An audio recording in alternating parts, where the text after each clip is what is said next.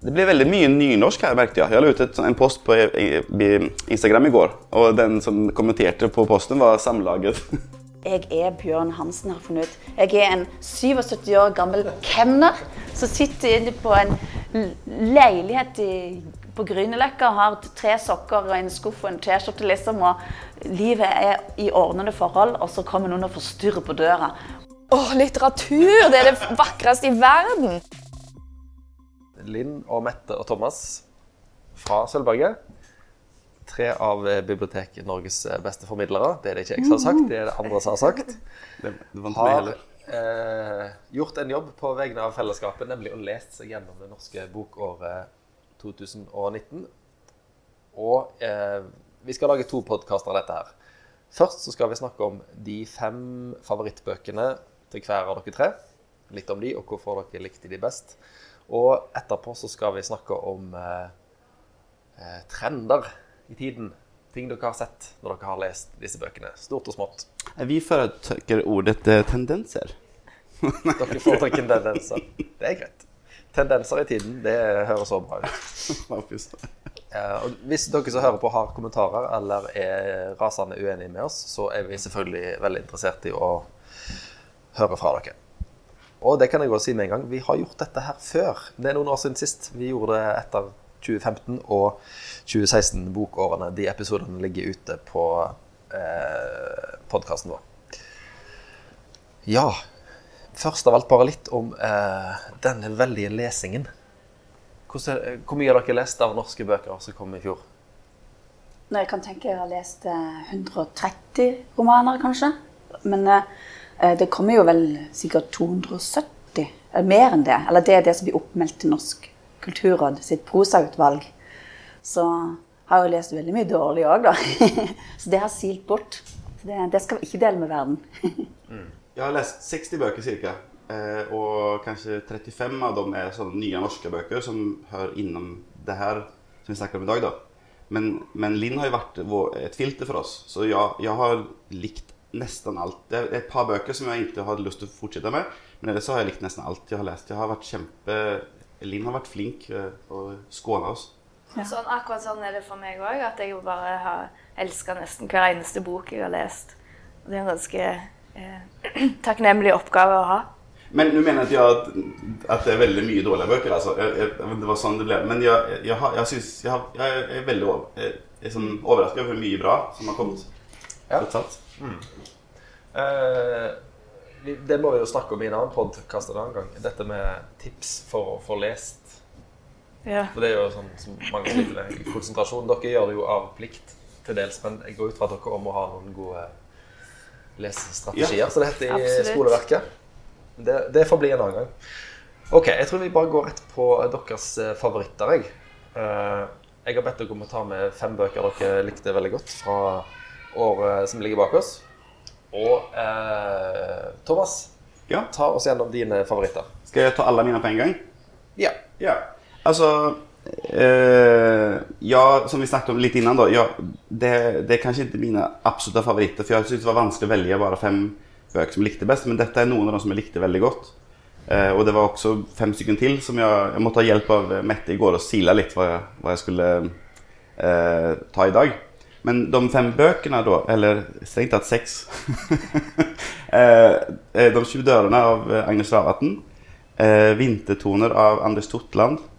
Smilefjes, tommel opp, regnbue av Victoria Durnak. Og Bære nakne nykler av Per Helge Gjenberg. Og så en diktsamling som heter 7078 Saupstad av Anna Kristina Knutsen. Og Passasjerhistorier av Ylva Østby, som er en novellesamling. Så um, skal jeg snakke litt om hvert. Ja, kom med det. Ja. Uh, alle oss har vel nesten lest den av Agnes Ravatn. Uh, Har du begynt på den? Nei, jeg skal lese Ja. den. Eh, Mette har lest den. Uh, vi likte den kjempegodt begge to. Mette ble jo så entusiastisk at hun sendte melding. For du hørte på lydbok, sant? Ja. Jeg sendte melding mens du gikk og hørte på den sånn til meg. Liksom, 'Jeg tror jeg vet hvem det er som har gjort det.' liksom. Så vi likte den kjempegodt begge to. ja. Og jeg er jo veldig fan av Agnes Ravatn til å begynne med. Og ehm, har, har lest uh, ganske mye. Og jeg liker hennes humor. Og den er til stede i boken også, men kanskje i litt mindre grad enn hennes andre bøker. Det er en litt mer seriøs bok. da. Den jeg syns den er veldig spennende. Men jeg er jo sånn er uskyldig når det gjelder krim. Jeg leser så lite krim at jeg blir helt med liksom, når det er sånn som dette. Det som jeg syns er så fantastisk med den boken der, er at der, altså, der er, der er noe i hver eneste setning. da. Hver setning er enten morsom eller leder til noe, eller det er liksom noe i alt. da. Mm. Du kan sikkert lese det en gang til, og så får ligge Ja, ut av disse det vil jeg igjen. Ja. ja. Så um, ja, veldig bra. Ja. Hun hun begynner jo å få ganske mange sjangre på CV-en etter hvert. Ja. Eh, vi holder på å lage en sånn, vi har en sånn uh, gående, rullerende utstilling her på biblioteket som heter Bibliotekaren anbefaler. Nede første. Så denne uken og to uker fremover så er det meg, da. Og da har jeg med et par bøker av henne. Blant annet den uh, 'Verden er en skandale', som hun skrev for et par år siden, tror jeg. Som om egentlig når hun flytter, flytter hjem til Vestlandet, da. Så bor hun nabo med Einar Økland. Og det er jo en- en ting. Og så har hun skrevet en av de få selvhjelpsbøkene som jeg har lest, som heter Jeg husker ikke hva den heter lenger. Operasjon selvdisiplin. Ja, så det, hun sprer seg jo ut, liksom. Og, men, men det er likevel det er tydelig at det er henne i alle, i alle bøkene, syns jeg. Ja. Neste. ja. 'Vintertoner' av Anders Totland. Han, eh, det er hans første bok for voksne. Han har skrevet en del for eh, barn og ungdom før. Og det er visst veldig veldig bra, sier de som jobber med, med det her på huset. Og even når vi var ute på den her lille turneen når vi var i Haugesund og Tysvær, så var det, de, det, det er kjempebra. Men han er veldig flink på voksen også.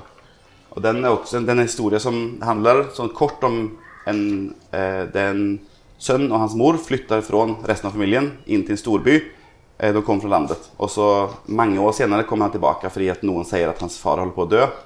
Eh, og så har hans, kanskje hans eh, tanker om eh, familiehistorien viser seg å ikke stemme helt. Men man, man, man tenker 'Å, nå forstår jeg', og så endres det, og så endres det. Og så, ja, den var kjempebra. Den var spennende på, den, på en annen måte, da. Eh, utrolig fin bok. Eh, Er det noen som har noe å si om den? Nei? Eh, smilefjes, tommel opp, regnbue. Den har du stjålet av meg. Det var egentlig min favoritt. Tuller du? Og så har jeg fått noen andre favoritter som har dunka den litt ned. Men det var du som som markerte at jeg skulle snakke om den i dag. Ja. Den her leste jeg faktisk etter vi var ferdig. Så etter vi er ferdig med dette prosjektet, da, så har jeg redan lest to andre bøker på denne listen. For at jeg ble lokka når dere snakket om dem. Eh, så Victoria Durnek har skrevet en del før. Uh, vi har ikke lest det, men denne boken var en skikkelig rar bok.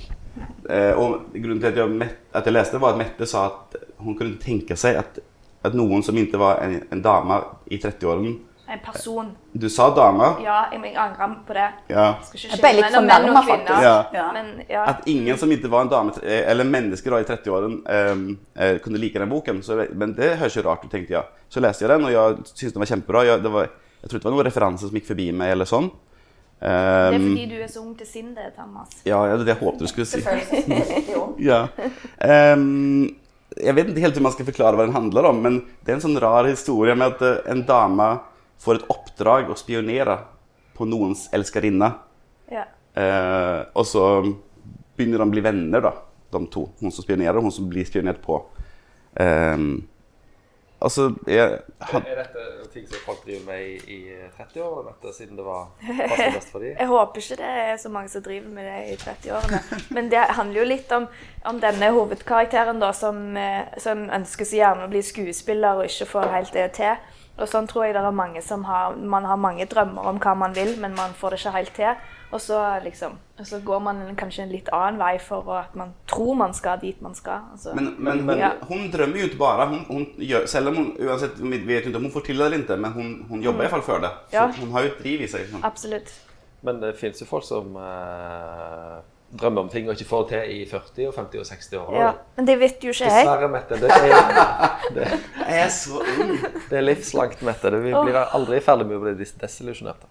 Men både du og Tale også, som leste den, uh, syntes den var veldig kjekk. Den, den er morsom og yeah. utrolig lettlest. Yeah. Uh, og det betyder ikke at det er en dårlig eller, eller simpel bok. Den er bare veldig lett å ta til seg, syns jeg. ja. Det er en fest å lese. Ja, hele veien igjennom, liksom. Mm. Ja. De to forrige bøkene hennes var jo òg veldig Ja, Fine. festlig. Ja, mm. Til og med jeg likte de. ja. Var, var det senteret, til heter det? Senteret og Ja. Torget, tror jeg. Ja. Torget. Torget som han har finn.no. Han har en veldig god tone i bøkene. Jeg Ja. blir veldig eh, glad i det. Ja. Yes. Og så min neste er en liten rar bok som heter 'Å bære nakne nykler'. Det ble veldig mye nynorsk her, merket jeg. Jeg la ut et, en post på Instagram i går, og den som kommenterte på posten, var Samlaget. For det var veldig mye fra dem, og mye, veldig mye nynorsk. Dette er en liten, søt bok. eh, Eller søt, den er veldig trist, men den er veldig utrolig fint skreven. Vi har den stående både på skjønnlitteratur og dikt. Eh, Den er veldig sånn lyrisk eh, skrevet. Men Fins det andre nøkler enn de nakne? Jeg har ikke sokk på nøklene mine, eller votter, eller uh... Jeg har ingen aning om hvor den tittelen kommer fra. Jeg vet, jeg, jeg, aner ikke. Ja, jeg vet ikke. Men kanskje han kommer her en gang, så vi kan spørre ham. Jeg har nøklene i lommen. De er veldig nakne. Det er Ja, de er utrolig nakne. Utover han ene som har svart sånn eh, lateksdrakt på seg. Det er hva, Hva er han ute på for noe? Jeg har en sånn blå liten eh, sokk på den ene nøkkelen min, sånn at jeg vet hvilken dør det er til. Men de, de, er, de er i min de, de nakne nøklene er i veldig flertall. Men nok om det. Ja. Eh, jo, det handler om en gutt som vokser opp på bygden. Um, han passer ikke inn. Fordi at om ikke man er interessert av engelsk fotball, så er alt eh, du bryr deg om, drit, liksom. Det, det eneste som teller, er engelsk fotball. Eh, og han har noe sånt at ehm, Jeg har eh, skrevet sånn når jeg forberedte meg til den her, eh, når vi hadde det her foredraget, eh, eh, skal skissere lykkelige og ulykkelige liv på norsk landsbygd i generasjoner. Ehm, må være nesten arvelig ulykkelig ekteskap. Altså, det, altså alle ekteskap virker som de er forferdelige. No, altså, eh, men du kommer ikke ut av det, for det, finnes, det, det å skilles fins ikke i vokabularet. Det går ikke an. Det, er som, det fins ikke. Så, så folk eh, blir sammen med noen på nabogården, og så hater de hverandre, men fortsetter å leve sammen og skaffe barn, og så går det i arv, på en måte. Um, ja. Hva, er du stressa med mikrofonen? Det hørtes uh, ut som et uh, slitsomt liv. Kom, kommer de seg ut av det, da? Ja, altså, så uh, han, han forteller jo tilbake i tid, da. Og ja, det gjør han jo, kan man si. Men det preger jo en for resten av livet. Men det er ikke det som er poengen her. Jeg syns poengen er, er på en måte, Det er sånn eh, å beskrive Norge på en annen måte. Eh, og, og det å, å ikke passe inn. Og likevel med et så fint språk at du Du blir ikke så trist. For det, det er liksom likevel fint. Eh, han har skrevet noe før, eh, men som jeg ikke har lest. Men denne var kjempebra, Synes jeg. Ja. Da har du fortsatt eh, ei bok igjen. Har du ikke? Ja. Eller to, kanskje? ja. Jeg har en diktsamling som heter 7078 Saupstad av Anna Kristina Knudsen. Det er hennes første bok. Det Det også handler om en veldig røff oppvekst, men på en annen måte. da. Han her i, i den forrige boken fikk jo ikke noe bank, som jeg husker det, men, men hun her ble både misbrukt og banka. Men det handler liksom at tross at det skjer henne, så er det hun som på en måte tar kontrollen. da. Jeg syns det er en utrolig kul sterk historie. Hun, hun eh, passer jo ikke heller inn, på en måte, fordi de, de klarer ikke å sette henne i, et bås. For jeg tror hun har enten mamma eller pappa som er fra eh, et land med mørk hud. Jeg husker ikke hva det om det er Karibien eller noe sånt.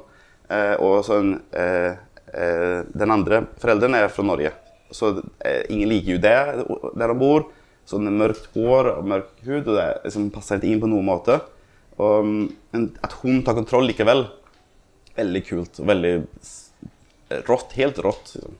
Veldig rått skrevet. Og så det siste, da, 'Passasjerhistorier' av Ylva Østby. Eh, hun er jo en eh, forskere, hjerneforskere, forsker på hukommelse. Eh, hun var vel her i fjor på kapittel og snakket om det sammen med sin søster. Men nå har hun skrevet sin første skjønnlitterære bok. da. Og den handler om, Det er noveller som handler om eh, minnen. Så Den første handler om noen som reiser tilbake til Japan. der hun studerte for 20 år siden og forsøker finne sin ungdomskjærlighet. Veldig fine bøker, eller veldig fine noveller. Eh, og kan vi rekommendere til alle. Og noveller er lett å lese.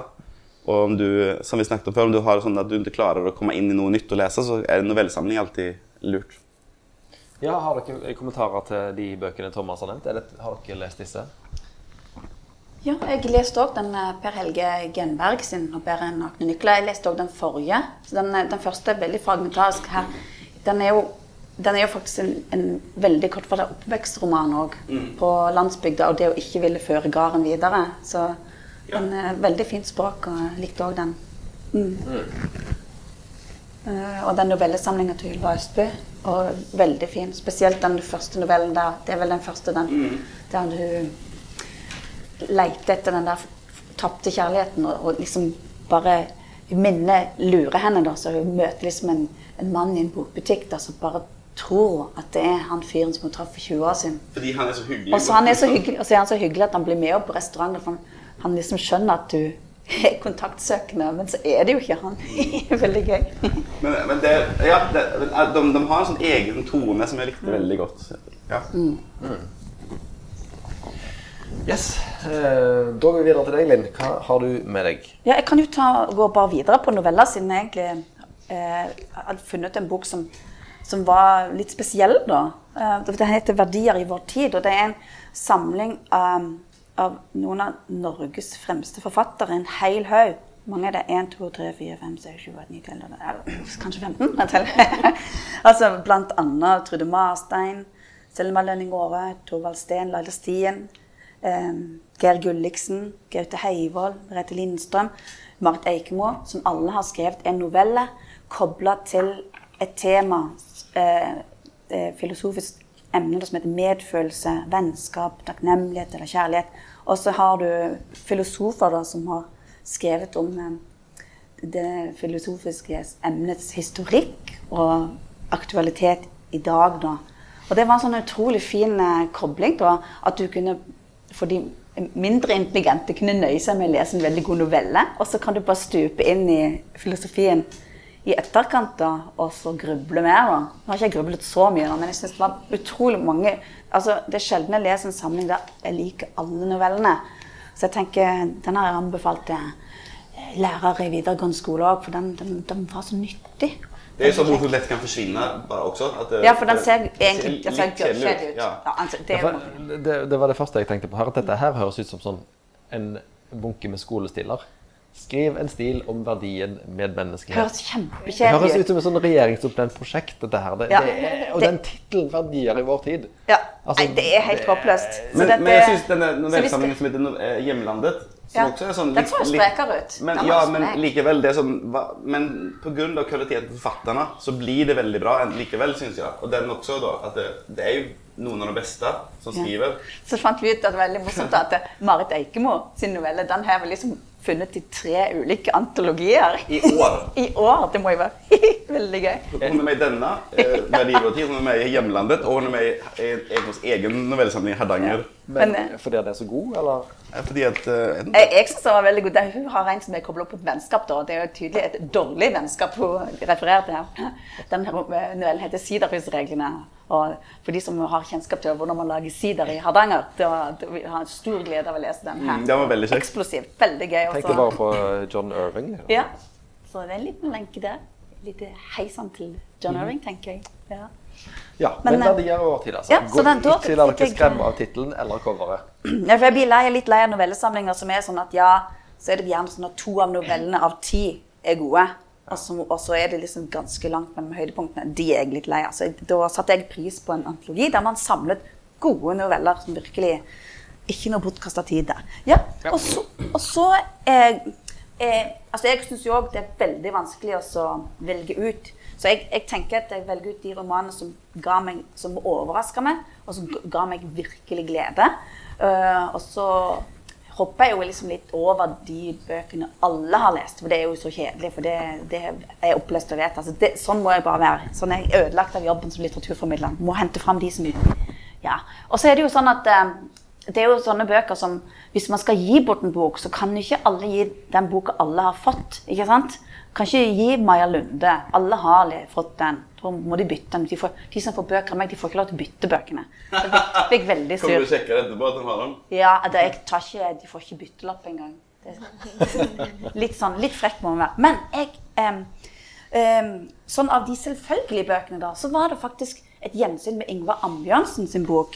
Eh, 'Ekko av en venn'. Det var jo en sånn type sånn allesing som alle har hørt om. Men det syns jeg var veldig kjekt. Dette det er bok nummer fem av Elling. Og så er det jo 100 år siden, det er 20 år siden den siste boka om Elling kom, tror jeg.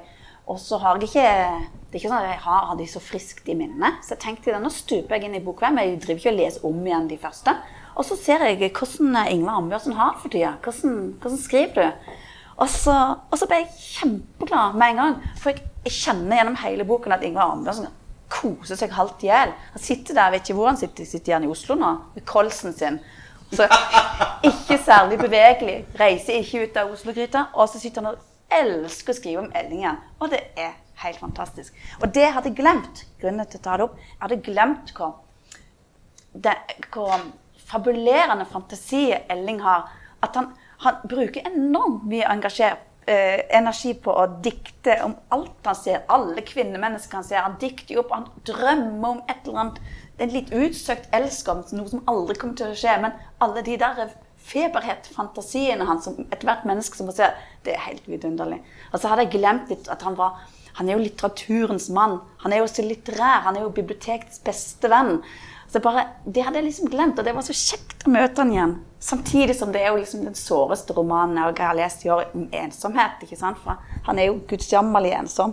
Og og, og, det er jo ofte sånn med humor at den beste humoren er jo også, er det også basert på dypt alvor. Og det får Ambjørnsen så utrolig fint til i den romanen. Så det er lenge, Jeg leste den veldig raskt når den kom, har, men den har egentlig bare Den varmer meg litt inn i kroppen hele veien ennå. Så, så, den vokser, vokser, på meg, da.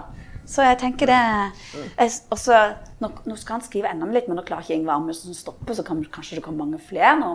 For han skal komme med en sånn liten, tynn liten sak nå til våren der Elling leser Michelle Houellebecq. Lanzarote. Altså en, en nærlesning av Michelle Houellebecq av Elling. Så det må jo bli hysterisk morsomt, da. Spesielt siden han har flyttet inn til enkefru Anne Lore Frimann Klausen, da. Og hun er, som man ser for seg egentlig, og han skal leve resten av livet sammen med. Så hun, hun har òg lyst til å diskutere Michelle Houellebecq, men jeg, jeg tror ikke hun har lest Michelle Houellebecq. Hun har vært på Lanzarote med, nei, med, med enkemannen sin. Nei, med mannen sin. Så det kan bli en fin samtale. Ja, Så det var liksom der, sånn, en av bestselgerne som jeg faktisk elsket. Og så vil jeg gå over til um, um, den uh, romanen som jeg ble mest glad av. Det var Kjersti Anfinsen som debuterte uh, for noen år siden med en ålreit roman som jeg òg likte. Men eh, det, den boken her som heter 'De siste kjærtegn'. Den er veldig tynn. Så har den sånn et veldig sånn unnselig omslag, sånn typisk kulturfondbok som ingen legger merke til, egentlig. Det er sånn de, eh, Tåke i Paris. Det er litt sånn Du, kan skimte Eiffeltårnet. Og det er handling da fra Paris. En eh, gammel, pensjonert eh, hjertekirurg dame sitter i en leilighet. Noe utrolig skrøpelig. Og trenger hjelp til alt. Og ikke særlig fin lenger. Mister hår og driver og pleier seg sjøl og er så vidt knoklene bærer. Så sitter hun der og så drømmer om litt kjærlighet og har lyst på en kjæreste. Så har hun alle vennene hennes er døde. Hun har liksom ikke noe fagmiljø rundt seg. Hun føler seg ensom. Og så har hun sånn sitter og har noen fantastiske samtaler med søsteren som bor i Norge. De har Eh, de høres ikke så ut som de er noen gode venner. da. Det er sånn, ah, De må liksom snakkes en gang i måneden eller en gang i uken, eller hva det nå er. Og så er det egentlig som om ingen har lyst til å snakke med hverandre. Og de samtalene er så fint beskrevet. Og samtidig som de ruller opp at de har, en, de har jo en historikk sammen som gjør at uh, de har bare hverandre. Og de er veldig sånn ulike erfaringer i forhold til hva slags barndom de hadde. Den ene søsteren mener de hadde en fantastisk barndom, mens den andre eh, våre litt gretne, kjærlighetshungrige hjertekirurger, mener det at, eh, at, det ikke var en så bra barndom. Og så er det, det er veldig mye mellom linjene. Og det er mange romaner det kan, der det kan være veldig irriterende. At det, liksom, at det, blir så mye mellom linjene at du ikke får fatt i noe som helst hva romanen handler om. da. Men den her er veldig vellykka. Den er litt sånn episodisk uten å være irriterende. Og øh, jeg ble bare så utrolig glad i denne gamle dama.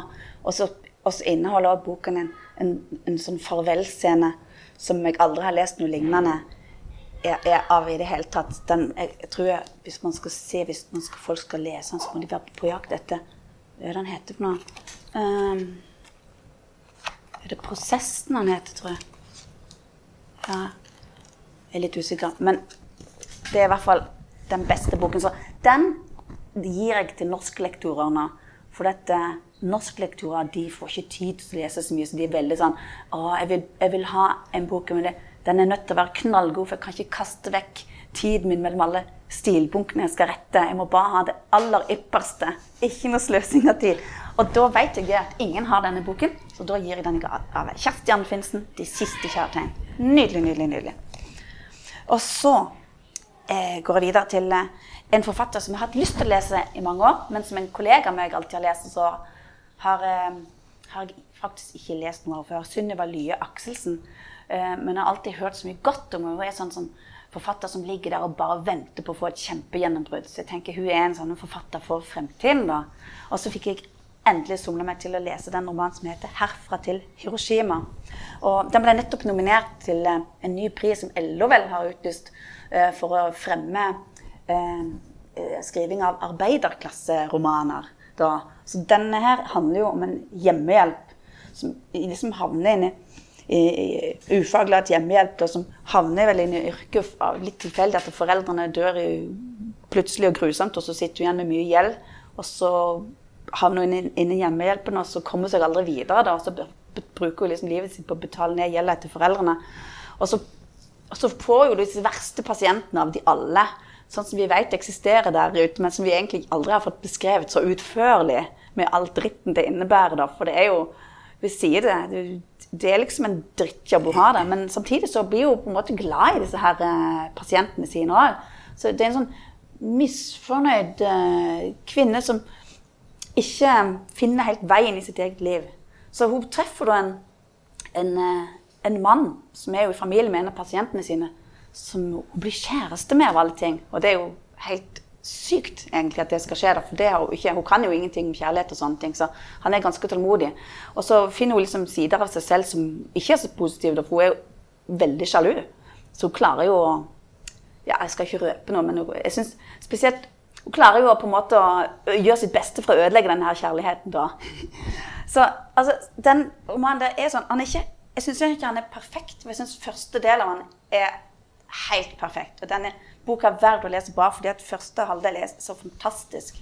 Og så syns jeg han ikke han, han, står ikke i stil helt i mål, da. Men likevel Det er som to bøker, nesten. Ja, det er som to bøker. Og jeg likte den første delen Ja, aller, aller best. Men, eh, men det er jo, hun har et fantastisk språk. Sånn utrolig observant. Det er sånn kjempemange setninger som bare koser meg med. Men det, det som er fint til slutt det, det, det, å, jeg vil ikke ødelegge noe, men, men man, får, man får liksom en eh, frigjørelse. Altså det, det, det, selv om den første halvdelen er best, så får du liksom Mm. Du kjenne henne mye dypere. Og det syns jeg er fint. Ja, nei. Men eh, Elin, nå er det da en som Elling, en som dame, gammel dame, en som eh, hjemmehjelp. Ja, det er kanskje en tendens. Du har funnet en tendens. Og dessuten så, for det, kan jo også si at eh, jeg leser Dag Solstad sin tredje og siste roman om Bjørn Hansen. Og det er jo òg en veldig ensom mann. Men det som er felles, vil jeg si, det er jo det at de, de trives òg. Det er ikke fælt å være Det er noe fint med den ensomheten òg. Dette er jo velfungerende mennesker som, som klarer å få noe ut av livet sitt selv om de er ensomme. Sant? Så det er liksom et eh, tveget sverd der. Altså. De, de har eh, gode liv. Og, og så Bjørn Hansen òg. Jeg kjenner meg. Jeg er Bjørn Hansen, har funnet ut. Jeg er en 77 år gammel kemner som sitter inne på en leilighet i, på Grünerløkka har tre sokker og en skuff og en T-skjorte, liksom. Og livet er i ordnede forhold, og så kommer noen og forstyrrer på døra.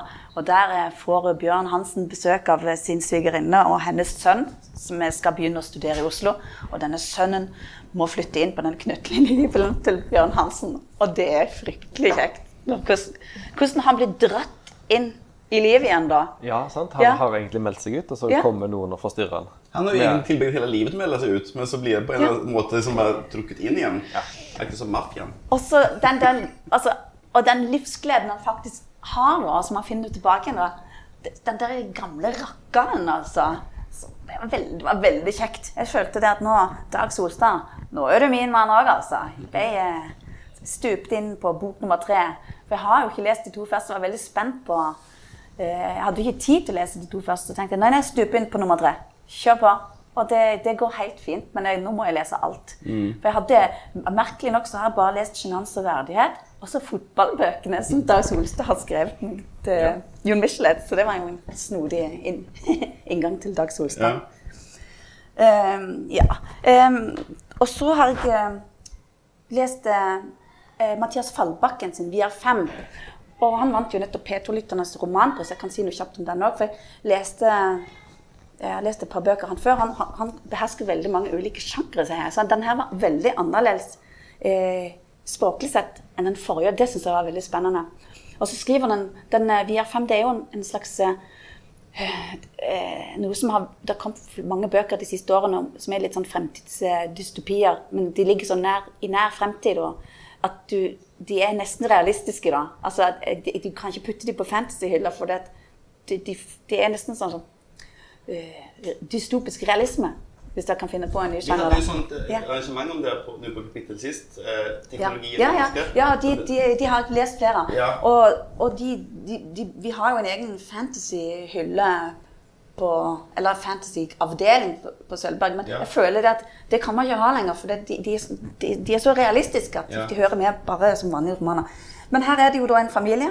En snekkerfar som er ekstremt god på og interessert i kinetikk, eller ikke vet jeg hva det er, robotteknologi, og burde vært, eh, heller studert videre på NTH, men som, som eh, bor et par timer utenfor eh, Oslo i, i en bygd og har blitt snekker. da. Så har fått seg en frisørkone som har redda han, for han, ellers hadde han eh, gått til grunne av narkotika og det som verre er. Men denne frisøren har redda og så har de fått to barn sammen og lever et lykkelig familieliv.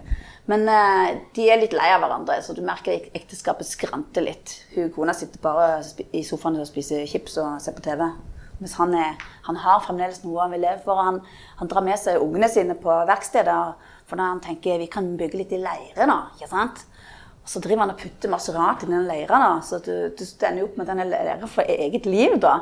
Altså, veldig altså, Når du ser det for deg at ungene driver, så syns det er gøy det her. De er med far og lager figurer i leira. Så, så leira gjør motstand, da. Sånn at når de prøver å lage noe, så, så, så bare faller leira sammen igjen og liksom ikke, vil ikke være i den formen som de har satt. Og etter hvert så, så finner han jo liksom, han klarer han å putte mer og mer på den leira, til slutt så får han liksom eget liv. Og så tar jo romanen helt av. Men eh, den er veldig godt skrevet, sånn knapt og konsist språk. Altså, eh, veldig lettlest, og så er den morsom. Altså, denne persontegningene er jo veldig karikerte, men det, det er vellykka som grep. Så jeg synes det var en veldig flott roman av Mathias Fallbakken. Er kjekt å følge med på disse nye forfatterstemmene, som jeg syns det kommer mange av nå. Ja. Ja, Så da er jeg fornøyd. Så bra. Uh, Mette, du har sittet veldig stilt og fint Ja. på stolen. Ja, Typisk Mette. ja. Men nå kan du, Nå kan jeg få lov å snakke litt, jeg òg. Ja. litt. Så nå må dere to være litt stille. Nei. Det er vanskelig. Ehm, ja. ehm, jeg tenker at jeg kan begynne med den, uh, en av de sånn, litt sånn wow-opplevelsene for meg. Og det var Jan Kjærstad med 'Mr. Wolf'. Uh, og jeg har lest eh, jeg har lest Jan Kjærstad før når jeg studerte nordisk, og da måtte jeg lese 'Homo falsus'. Og jeg jeg, kan ikke huske noe annet enn at det var en lidelse å komme igjennom, at jeg ikke skjønte noen ting. og eh, og. Og så leste jeg dette og syns bare det er helt fantastisk og blir eh, megabegeistra. Jeg syns det er så, det er så eh, Den der blandingen av eh, at handlingen er mye om Det handler jo om en som er fysiker, som har vunnet Nobelprisen i fysikk. Som jeg er fullstendig uinteressert i. Eh, og så eh, blander man inn litt eh, sånn magisk realisme og, og mye referanser til litteratur og sånn, så blir det bare en sånn en kombinasjon som bare fanger meg skikkelig, da. Og det, I slutten av boka så måtte jeg legge den fra meg for, hvert, eh, for hver side. For da var jeg sånn Åh, litteratur! Det er det vakreste i verden! Så det tok litt tid å bli ferdig med den, da, fordi det var så, det, alt var så nydelig. Så det var en skikkelig sånn eh, Ja. Det er derfor jeg holder på med det jeg gjør. Og da vet du at en bok er god når du som har mange bøker du må få lest, Ja. utsetter lesingen av en tekst. Akkurat. At du vil Ta seg tid, bare nyte det. lengst Ja. Mm. Eh, ja. Eh, og så en annen kjempefavoritt eh, var Atle Berge med 'Puslinger'. Og det er en eh, historie om Kielland-ulykka. Eh, som eh, der med starten av boka er at eh, ulykker skjer, og der er en Vi følger en, en, en mann på, på Kielland og alle disse opplevelsene, og du blir virkelig dratt inn i den ulykka.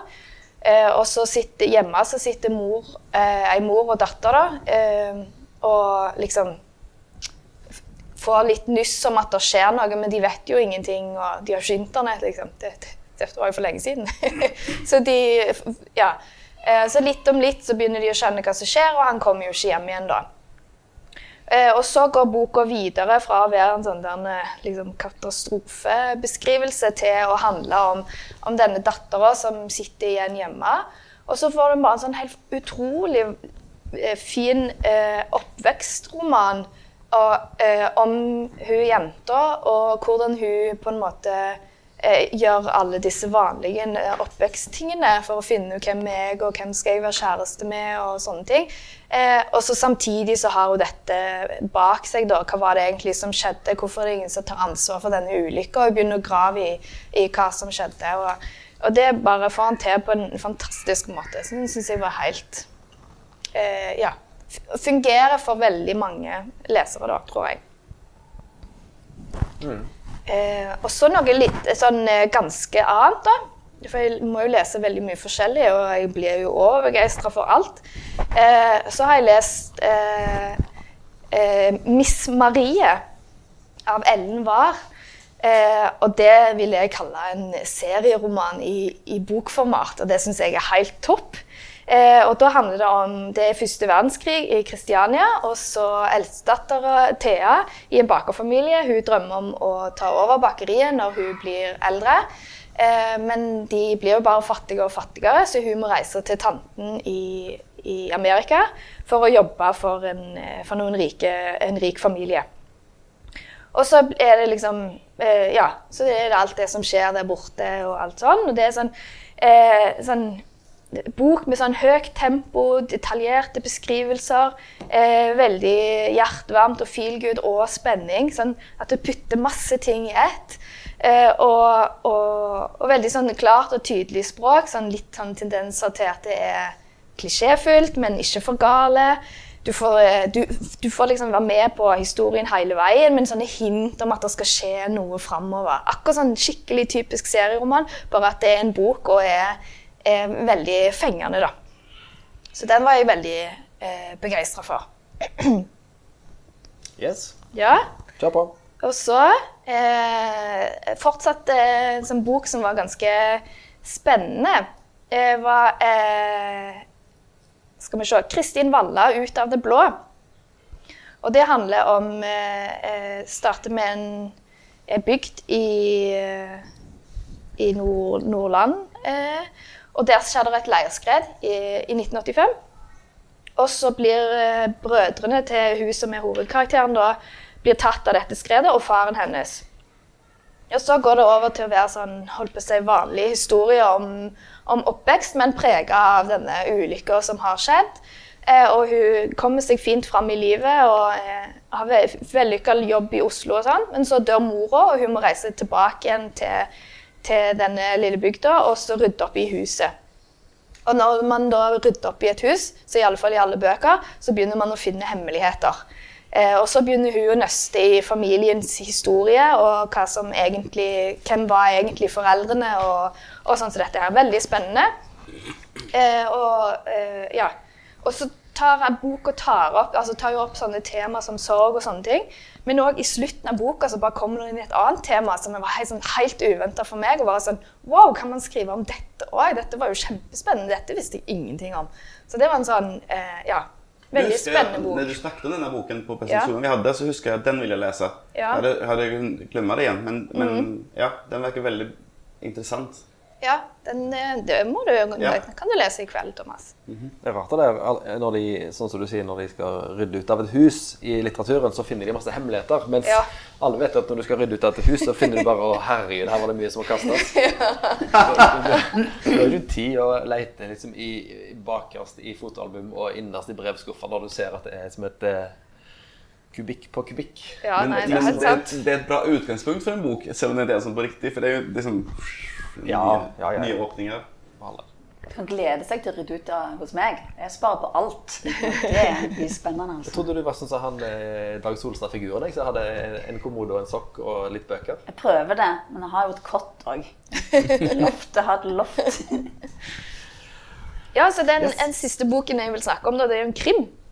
Eh, og jeg leser litt krim, og all krim er jo nesten helt lik. I oppbygging og i tempo og i språk og alt sånn. Men i krim så er jo bakgrunnshistorien eh, veldig viktig for om man blir fengende eller ei. Og den som jeg likte veldig godt, det heter 'Vindbaroner' av Hong, Hogne, Hong, Hogne Hongseth.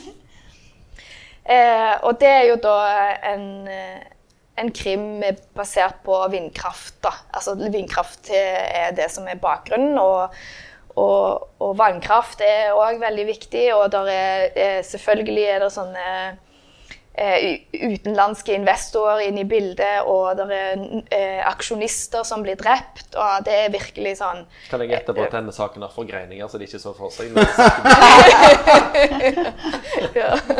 ja, så den er, eh, Og har et sånn kjempelangt eh, etterord da, om denne saken, altså om, om vindkraft og sånne ting. da, For det er jo helt tydelig at eh, forfatteren har et kjempeengasjement for, for, for dette. da. Altså, Han har skrevet en roman, og så etterpå det så har han en sånn et, et forfatterens etterord kan han banke inn poengene sine en gang til. Ja. Det høres jo litt, eh, litt mye Møllers tran for meg, høres ut som. Hvorfor var det du gjorde det? Jeg tok eh, kopi av det og så ga det til min far, som er veldig engasjert i denne saken. da. Han var veldig begeistra, for jeg visste han ikke kom til å lese krimboken, men han ville lese etterordet. Så eh, ja, den, eh, det var min, Din krim? Min krim i år. Ja. Min bror i oljebransjen. Ja. Veldig skeptisk til alt. Ja. Ren, kraft, skittent spill. Er det sånn? ja. OK. Takk skal dere ha. Um, terningkast for bokåret 2019. Eh, Takk for det, Linn. Ble det kjempebra tenniskast. Ja, jeg som har lest det meste, vil påstå at det er et mellomår, sier jeg. Men, Ja. men det, er, det som er gøy, er jo det at det, det er veldig variert. Vi er heldige som har en litteraturbransje i Norge som har plass til å ta seg råd til å det ut så mye variert litteratur. Da kan vi leve med det som er litt middelmådig, når vi kan få så mange høyder på andre måter. Ja. ja. Så Det må være bredde for at det skal bli bra også. det er sykt hvor mange rare bøker det Ja. kommer ut. Men jeg er superhappy. Jeg òg. Ja. Alt var topp. Alt var topp. Veldig bra.